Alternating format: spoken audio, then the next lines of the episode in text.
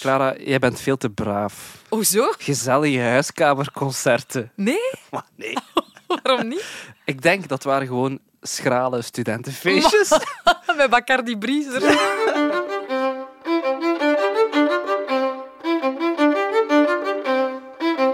En hier zijn we weer. Hier zijn we weer voor een nieuwe aflevering van Eerste Hulp bij Klassiek.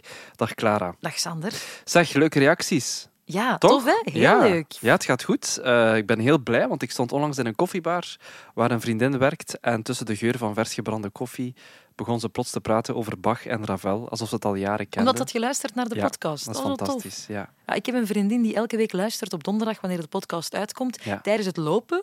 En dan stuurt hij mij achteraf meteen zo'n audioberichtje om te zeggen wat ze ervan vond. En dan is ze zo nog wat aan het nahijgen van ik vond het super tof. Maar ja, dus al die reacties, kei welkom. En we hebben ook een leuke reactie binnengekregen van Hans, een grote fan van onze podcast. Maar hij had ook een, een vraag, want hij worstelt nog een beetje met strijkkwartetten. Hmm. En hij vroeg zich af of wij hem daar misschien mee kunnen helpen. Misschien, zeker. Sowieso Hans, sowieso Clara, want voor deze aflevering, het is mijn beurt, Mhm. Ik heb gekozen voor muziek, een strijkkwartet, door Frans Schubert. Het mooiste strijkkwartet ooit gecomponeerd.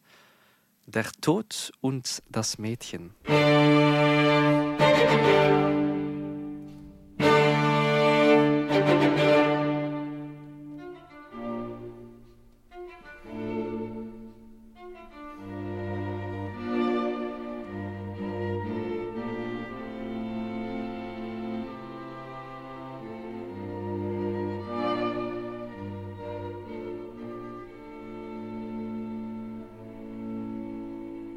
Prachtige muziek, maar geen vrolijke titel. Hè. Der Tod und das Mädchen, de dood en het meisje. Ik word er niet per se droevig of angstig van. Ik word er energiek, melancholisch van. Ik krijg een soort van warme rilling.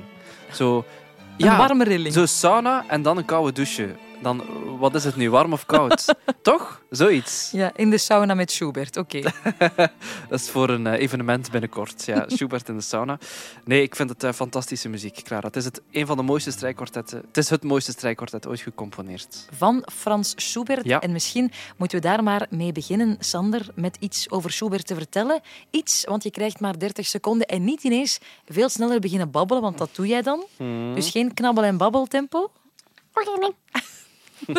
30 seconden vanaf nu. Frans Schubert werd geboren in 1797 in een wijk aan de rand van Wenen. Hij kwam uit een familie van schoolmeesters. Zijn vader had een eigen privéschool met 300 leerlingen thuis, stel je voor. Hij volgde een opleiding als zangknaap en begon uiteindelijk toch te werken als schoolmeester tegen zijn zin, want zijn hart lag bij de muziek. Hij schreef meer dan 600 liederen, strijkkwartetten, symfonieën, opera's, beleefde wilde muziekavonden met zijn vrienden, met eh, vrouwen, misschien ook wel met mannen, maar belandde uiteindelijk toch helemaal alleen ziek. Hij overleed op zijn 31 Op zijn 31ste Ja. arm champignonnetje. champignonnetje. Ja, dat was zijn bijnaam. Echt? Champignonnetje, zo noemden zijn vrienden hem, vanwege zijn postuur. Ja, ik snap het wel. Er zijn een paar afbeeldingen van Schubert, hè. schetsen, eh, Ah, ja. schilderijen. Zo met zijn rond brilletje. Ja, hij heeft wel iets schattigs eigenlijk. Hij sliep ook met zijn brilletje. Nee. Om beter in het donker te kunnen zien. Voilà, daarom Ah, ja. doen mensen dat. Om beter in het donker te kunnen zien, Clara. Eh, nee, champignonnetje heeft iets schattigs, maar zijn leven was iets minder schattig. Want het was wel een, een, een, Een zwaar leven. een zwaar leven. En toch vind ik dat zijn muziek best wel vrolijk klinkt. Misschien nu niet dit strijkkwartet, Der und das Mädchen, maar zijn forellenquintet, bijvoorbeeld nog zo'n eh, groot werk van hem, daar spat de levensvreugde bijna vanaf. Maar toch veel tegenslag hoor, in zijn leven. Moeilijk leven. Schubert was heel zijn leven single. Als hij verliefd werd op een vrouw, was die onbereikbaar omdat ze op, van een andere stand kwam. Financiële moeilijkheden, want zijn vader wou dus dat hij eh, les ging geven op zijn school. Heeft hij uiteindelijk toch gedaan.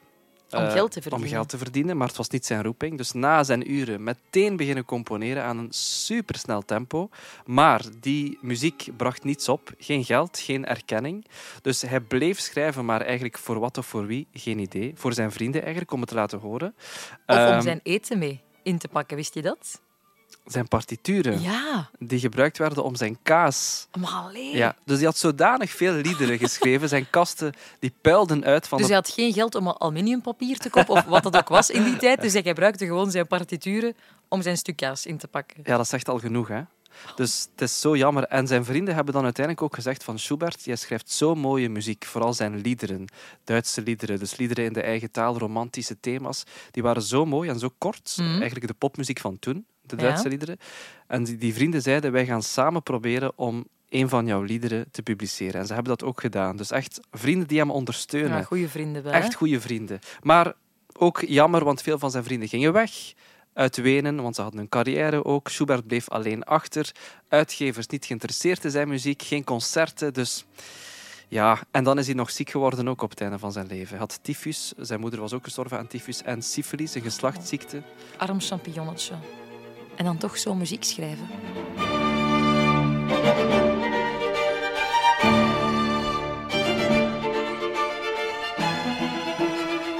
Ja, heb je het gehoord, Sander? Eh, De eerste noten. Laat nog eens horen. Oké.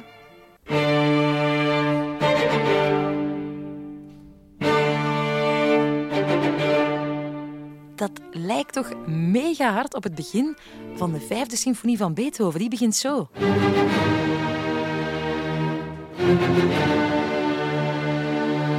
Ta-ta-ta-ta. Ja, die eerste noten, het noodlot dat aan de deur klopt. Daarom wordt de vijfde symfonie van Beethoven ook wel eens de noodlot-symfonie genoemd. Maar dat geheel terzijde. Die eerste noten. En nu bij Schubert. Die, die kracht, die... Ja. Ta-ta-ta-tam. En dan nu bij Schubert. Wel gelijkenissen. Het is ook het omgekeerde. Bij Beethoven is het kort, kort, kort, lang. en bij Schubert is het lang, kort, kort, kort, kort. Bijvoorbeeld, ja. Hier in Morsecode ontrafeld. Dat is ook wel mooi, want bij Beethoven is het een symfonie en die, die intensiteit. Maar hier is gewoon een strijkkwartet. Ja, maar wacht. Dit had ik eigenlijk al eerder moeten doen, want een Wat? strijkkwartet... Leg nog eens uit. Ah ja, een strijkkwartet. Het, het woord zegt het zelf. Dus ehm, een strijkkwartet is muziek voor vier strijkers. Kwartet, vier. Mhm. Je hebt ook een strijkquintet, strijksextet. En de meest eh, gebruikelijke bezetting voor een strijkkwartet zijn twee violen, één altviool en één cello. En dat is ook hier, bij Schubert. Dat is ook hier bij Schubert. En dus de cello heeft de laagste klanken. Dan heb je eh, de altviool, die dus iets groter is dan de gewone viool. En dus die vullen elkaar heel mooi aan. En ehm, eigenlijk het mooie aan een strijkkwartet, zeker bij Schubert, het heeft de, de energie en de intensiteit en de kracht en de kleuren van een symfonisch orkest. Mhm. Maar het wordt gespeeld door gewoon vier instrumenten. Ja, en bijna een orkest op zich. bijna een orkest op zich. En een goed strijkkwartet is zoals een goed gesprek met vier vrienden aan tafel. Iedereen luistert naar elkaar, maar iedereen vraagt ook: zeg, hoe is het met u? En er wordt geluisterd naar elkaar. Ja, dus niet zo iemand die dan alleen maar over zichzelf wilt praten. Nee, dus in het geval van een strijkkwartet geen één instrument dat met alle melodieën gaat lopen en in de spotlight staat, maar alle vier de instrumenten. En ook als je goed luistert, hè, hoor je mooie passages voor de twee violen, voor de altviool, voor de cello. En iedereen heeft iets te zeggen. En dat is in... Dus Schubert heeft wel echt aan iedereen gedacht. Maar luister.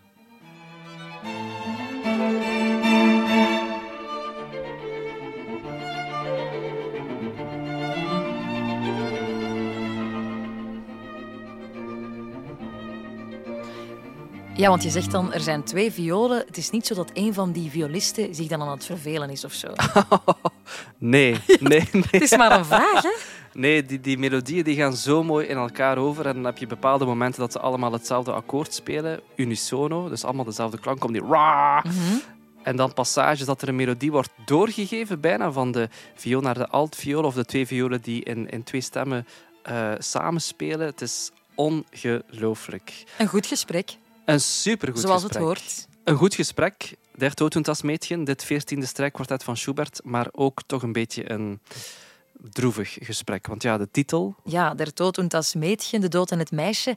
En dat is een verwijzing naar een lied dat Schubert al eerder had geschreven met dezelfde titel. En je hoort eigenlijk een jong meisje en zij wordt verleid door de dood, door een soort van skelet. En ze smeekt om genade. Ze zingt, ik ben nog jong, raak mij niet aan. Eh, terwijl de dood haar probeert te sussen, gerust te stellen. Ik ben een vriend, eh, ik ben niet wild, zacht zal je in mijn armen slapen, zegt de dood daarop. En kleine spoiler alert, de dood wint van het meisje. Vorüber, ach vorüber, ich bin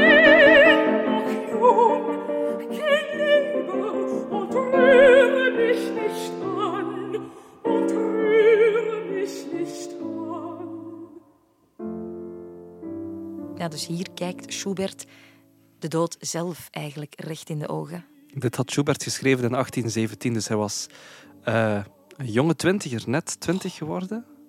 Dat is toch ongelooflijk? Ja, iemand van twintig zou hier niet mee moeten bezig zijn. Hè? Nee. Dan tien jaar later, een flinke tien jaar later, Het strijkkwartet. heeft Schubert dat lied, die melodie, opnieuw gebruikt voor dat veertiende strijkkwartet. Ja, voor dat andante, voor dat tweede deel. En hij doet er iets mee en dan klinkt dat zo ineens.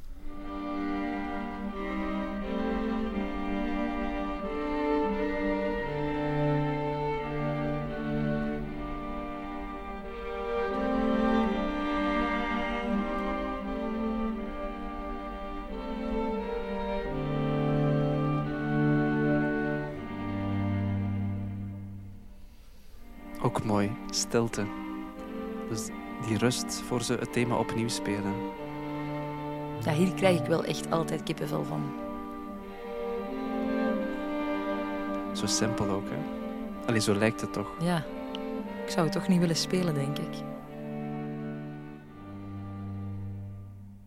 Na het eh, droevige tweede deel hebben we toch echt wel een eh, schitterend, kort, krachtig derde deel. Ja, het scherzo en daarin ja, gebeurt er iets. Begint hij te vechten eigenlijk.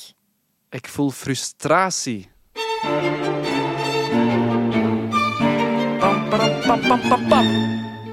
Het is een soort van dodendans, bijna dit in het tweede deel wat we net hebben gehoord. Daarin accepteert hij het op een bepaalde manier zo zijn, zijn lijden en zijn dood. En in dit deel gaat hij er gewoon weer ja, tegenaan. Hè?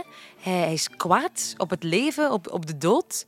En dat hoor je gewoon. Ja, je zegt het, hij frustratie, hij is gefrustreerd. Het is zo de dood, ehm, in zijn geval, dus hij, hij wist, hij had syfilis. Eh, er stond een, een houdbaarheidsdatum op zijn leven, Mhm. nog een paar jaar. En hij was nog lang niet waar hij wou zijn. Nee, nee. En misschien dacht Schubert van het moment moet nog komen, maar plots komt het moment niet meer. En hier hoor je inderdaad die frustratie weg willen lopen van de dood, maar ook tegelijkertijd de dood te accepteren, Mhm. vind ik. Hij schreef dat ook vaak in brieven naar vrienden. Want je zei het al, hij, heeft, hij had veel vrienden en hij schreef die ook heel veel brieven om, om zijn hart aan wat te luchten. En ik heb zo eens een brief gelezen. Dat is wel heftig hoor. Ja? Ja, ja, hij schrijft zo ergens, ik heb hier een Nederlandse vertaling gevonden. Stel je een mens voor wiens gezondheid nooit meer goed zal worden, wiens meest briljante hoop tot niets geworden is, aan wie het geluk van liefde en vriendschap niets anders te bieden heeft dan de ergste pijn. Is dat niet een miserabel, ongelukkig mens? Amai. En toch, toch, toch, toch, Zo muziek schrijven. zo muziek schrijven en niet opgeven. Dat Ja. vind ik het mooiste aan Schubert. Die omarmde eigenlijk zijn lijden en Zijn en verdriet, zijn ja. verdriet. En had heel veel aan zijn vrienden. De steun, de onvoorwaardelijke steun van zijn vrienden in moeilijke tijden. Eh, zo belangrijk. En ik voel het ook echt wel bij Schubert dat hij heel eenzaam was, maar ook heel goed omringd op een manier. Mhm. Vier delen heeft het. Ja, en zoals een symfonie eigenlijk. Ja. De meeste symfonieën toch? Ja. en het eh, laatste deel dat is een tarantella. Een, wow, wow, wow. Een tarantella. Een tarantella, Clara. Het klinkt Italiaans, maar dit is muziek van een componist uit Wenen. Ja, ah, wel, maar het is een Italiaanse dans, een tarantella, die vroeger werd gedanst als je gebeten werd door een tarantula-spin. Ugh. Heb jij schrik van spinnen? Eh, nee, maar toch wel- van zo'n spin wel. Ja, dat is nog iets anders. Hè. Ja, ze dachten als je daardoor gebeten wordt door een geen, tarantula... dat is ook geen referentie. Heb jij schrik van spinnen? Alsof je ooit thuis een tarantula-spin... Er zo- zijn toch zo'n mensen? Maar die zijn gigantisch. Dat zijn handen, hè, die Ja, spinnen. wel. Daar heeft toch iedereen schrik Dat is ook van? een huisdier voor sommige mensen, hè? Die misschien dat- ook aan het meeluisteren zijn op dit moment. Een klein spinnetje in de kamer of zo, dat is gewoon wegnemen. Of, maar Een tarantula, ja. van een tarantula heb ik natuurlijk schrik. Maar mensen toen ook, dus wat dachten ze toen? Dat als je gebeten zou worden door een tarantula, dat je daaraan zou sterven. Mhm. En dan moest je dansen. Dat was hun idee, dat was de remedie, dachten ze. En dan begonnen ze heel hard te dansen. En dat werd dus een tarantella. Vandaar dus de naam. Dus eigenlijk om het gif van die spin eruit te zweten. Bijna, ja, moest je gewoon heel hard beginnen dansen. Maar wacht eens, ik ken een tarantella. Niet om op te dansen als je een spinnenbeet hebt, maar wel voor een huwelijksfeest. Want de bekendste tarantella wordt gebruikt in elke reclame voor Italiaans eten of in The Godfather, want daar horen we deze Nee. tarantella, jawel. Hey! dit is de tarantella is napolitana. Dus het kan ook feestelijk zijn. Het kan zeer feestelijk zijn, maar geef mij dan toch maar die tarantella van Schubert, hoor.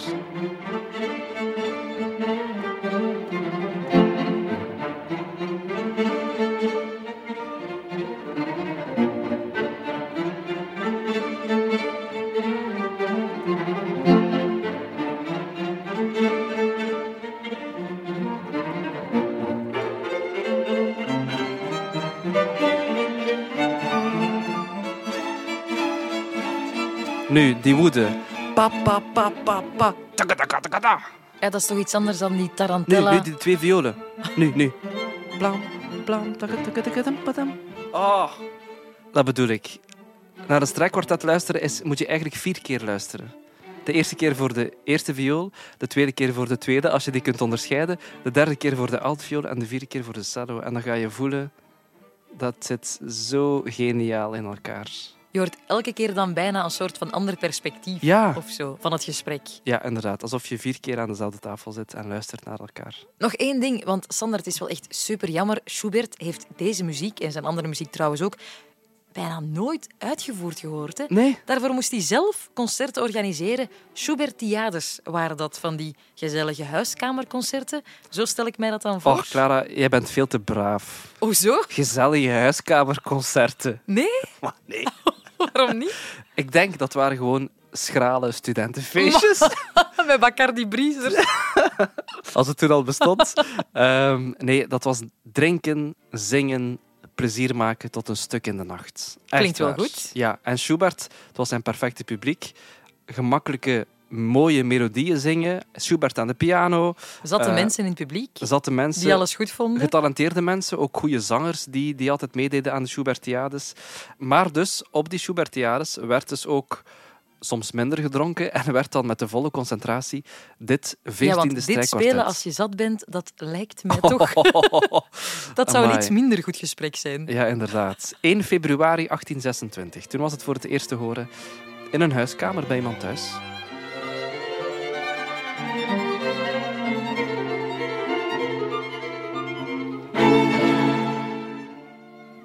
Allee, en zo jammer, want 31 is hij geworden, hè, Schubert. Wat zou die man nog allemaal geschreven hebben als hij iets langer zou geleefd hebben? Op zijn eh, grafsteen staat er trouwens een heel mooie zin. Er staat: De toonkunst begroef hier een rijk bezit, maar nog veel mooiere verwachtingen. Hier rust Frans Schubert. Zo mooi. Mooi, hè? De podcast zit er nu echt wel op. We kunnen uren blijven praten over die fantastische muziek. Ik stel voor dat iedereen gewoon gaat luisteren. Naar jou, Clara, want je krijgt 30 seconden Naar mij, oké? om Der Toten das Mädchen, strijkkwartet 14 van Schubert, samen te vatten. Hier gaan we. Ja, Der Toten das Mädchen, dus het veertiende strijkkwartet van Frans Schubert, gebaseerd op een gelijknamig lied dat hij een paar jaar eerder al had geschreven over een meisje dat verleid wordt door de dood. En Schubert die keek zijn dood op dat moment ook recht in de ogen, want het ging niet goed met hem. Hij had syfilis, waaraan hij ook is overleden toen hij 31 was, maar ook mentaal had hij het zwaar, omdat zijn passie geen geld opbracht. En hij verwerkte eigenlijk al die problemen, ook geldproblemen had hij, in zijn muziek. En dat hoor je ook in dit strijkkwartet. En vooral het tweede deel, het Andante, is ja, kippenvel gegarandeerd. Ik ben echt jaloers op, Op uw mijn timing. Ja, dat is ongelooflijk. Uw kunst voor samenvatten is even mooi als de muziek van Schubert. Dank je wel. Een mooi compliment. Ja. Of ben jij ook zat nu? Ik kom net van Schubertiade. Excuseer. Ik vrees er al voor. Maar ik ga jouw samenvattingen wel nooit gebruiken om kaas mee te verpakken. En ook geen champignons, hè? Lust ik niet. Ook niet. Nee. Dus we houden allebei niet van champignons. nee, maar ik hou wel enorm veel van Frans Schubert. Ja, en vooral ik nu ook, zeker na deze aflevering. van strijkkwartet nummer 14, Der Toten Mädchen. En welke uitvoering, Sander? De opname met het Jerusalem Quartet, er bestaan heel veel opnames van, maar zij spelen het zo puur en ja, ook zo agressief en, en zo. Ze laten hun instrumenten echt zweten, zuchten, wenen. Het is ongelooflijk. Oké, gaan we naar luisteren. Het veertiende strijkkwartet van Schubert, Der Tod und das Mädchen, door het Jerusalem Quartet. Volgende aflevering. is het weer eh, aan mij. Eh, geen strijkkwartet, ook geen symfonie, maar wel een concerto voor piano van een Russische componist, Sergei Rachmaninov. Aardsmoeilijk om te spelen, maar bespreken dat zal nog wel net lukken als jij niet van een of andere Schubertiade komt, hè, Sander? Ik beloof het. Tot volgende week. Tot volgende week.